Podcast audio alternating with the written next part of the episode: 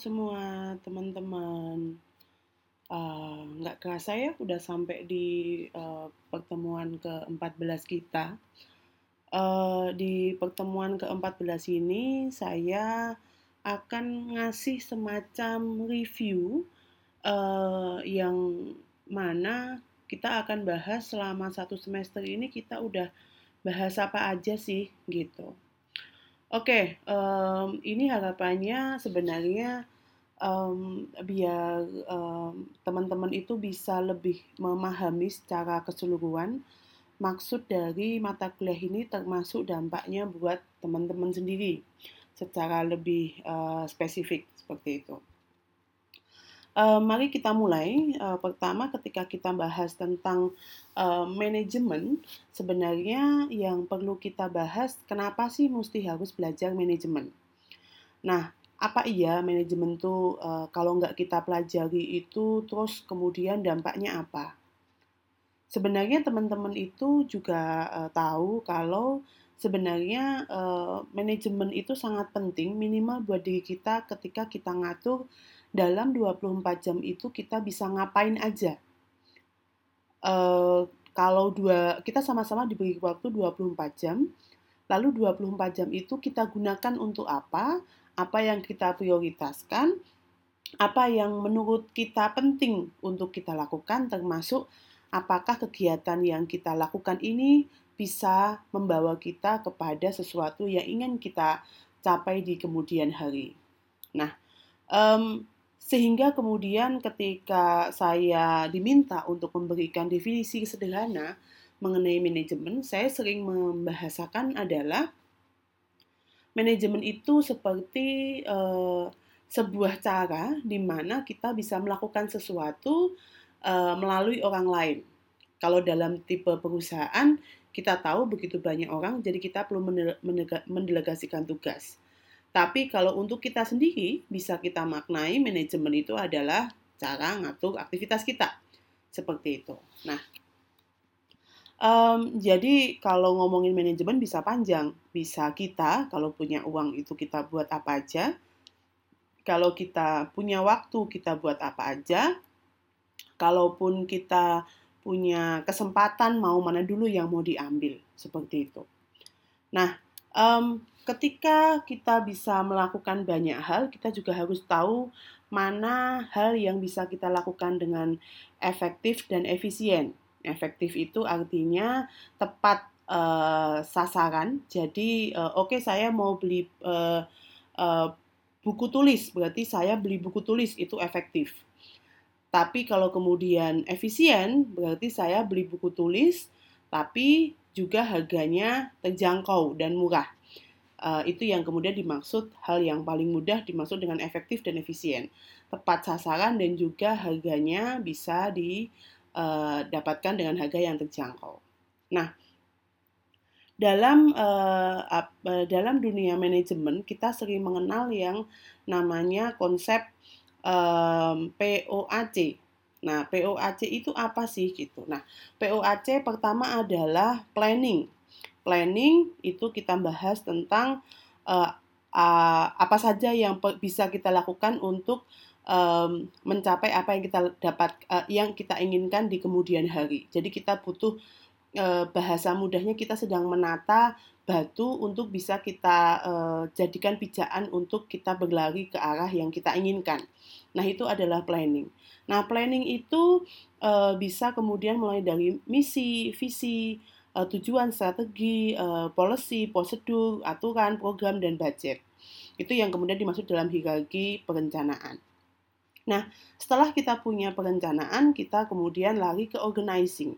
Yang sudah kita rencanakan tadi, bagaimana cara mengaturnya, mengorganisnya, biar kita bisa memastikan mana yang bisa kita kerjakan lebih dulu.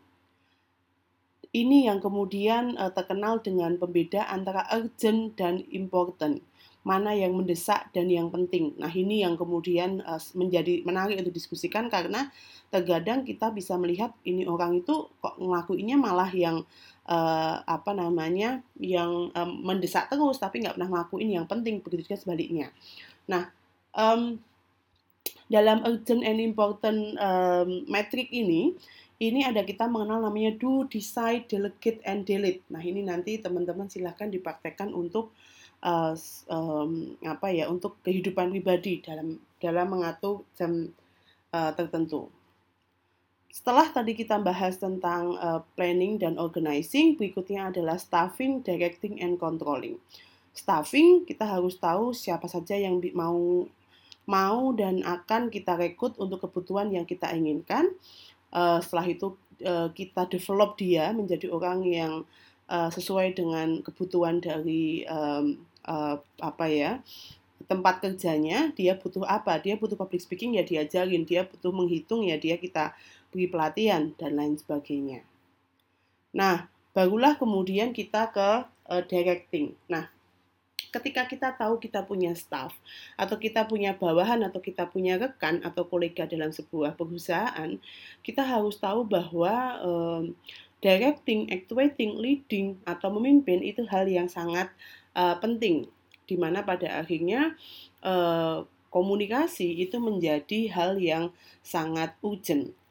Bahkan dapat dikatakan aspek yang paling penting dalam memimpin itu adalah komunikasi yang bagus. Karena 90% dari leadership atau kepemimpinan itu adalah kemampuan untuk mengkomunikasikan kebutuhan orang lain.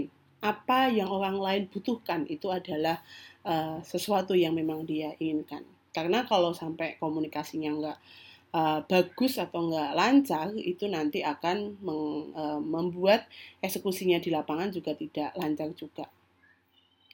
Nah, setelah tadi kita udah ngomongin dan lain sebagainya, yang paling penting dari fungsi manajemen terakhir itu adalah controlling.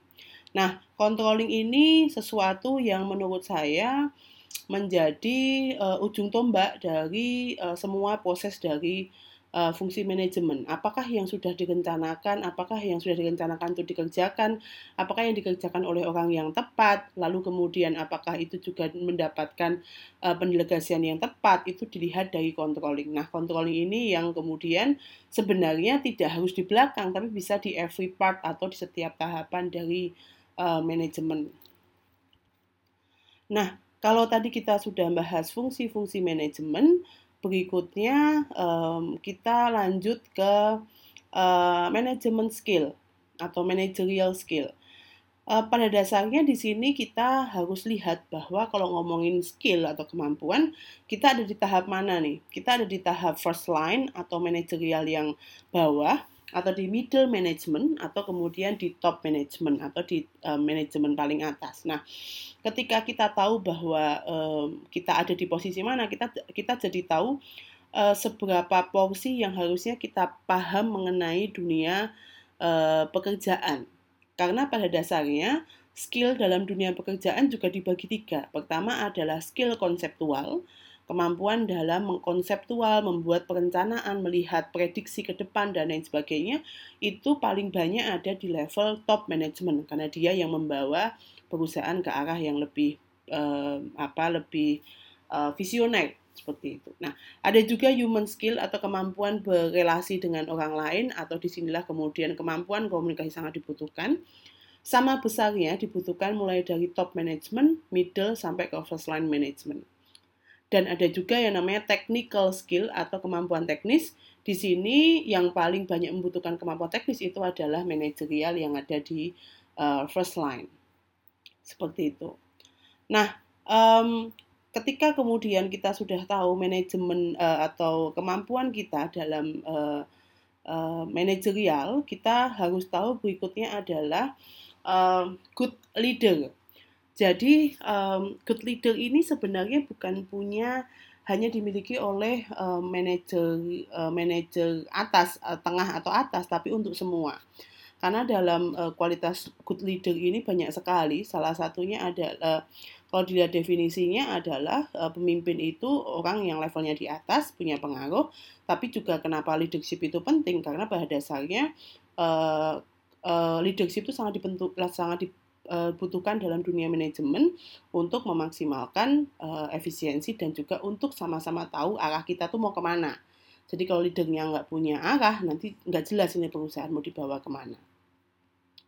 Nah, uh, dalam uh, quality of good leader banyak sekali Nomor satu adalah proaktif and reaktif. Jadi um, harusnya leader itu lebih um, apa ya punya inisiatif dan proaktif untuk bisa tahu kayaknya uh, ada masalah ke depan nih, jadi kita bisa mengantisipasi.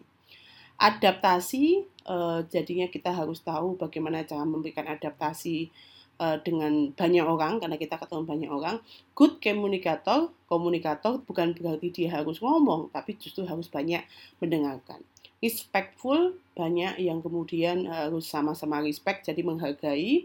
Bukan berarti kalau atasan kemudian jadi mena-mena kepada bawahannya. Quite confidence, dia harus tahu bagaimana cara cukup uh, membuat uh, percaya diri tapi juga uh, tetap elegan. Antusias, jadi kalau uh, pemimpinnya itu antusias, nanti bawahannya juga akan lebih semangat kerja. Open-minded, resourceful, artinya kalau dia tidak bisa melakukan pekerjaan atau tidak bisa menyelesaikan pekerjaan, harusnya dia memberikan uh, akses bagaimana cara menyelesaikan pekerjaan tersebut. Rewarding, um, sesimpel mengucapkan terima kasih itu sudah reward, tapi alangkah lebih baik kalau sampai ada reward yang lebih bisa dirasakan oleh yang lain. Well educated, um, ya walaupun strata itu kemudian menjadi debatable, penting-penting nggak penting, tapi harusnya pimpin uh, leader itu harusnya tahu lebih banyak dibandingkan staffnya seperti itu. Jadi mesti harus tahu banyak hal.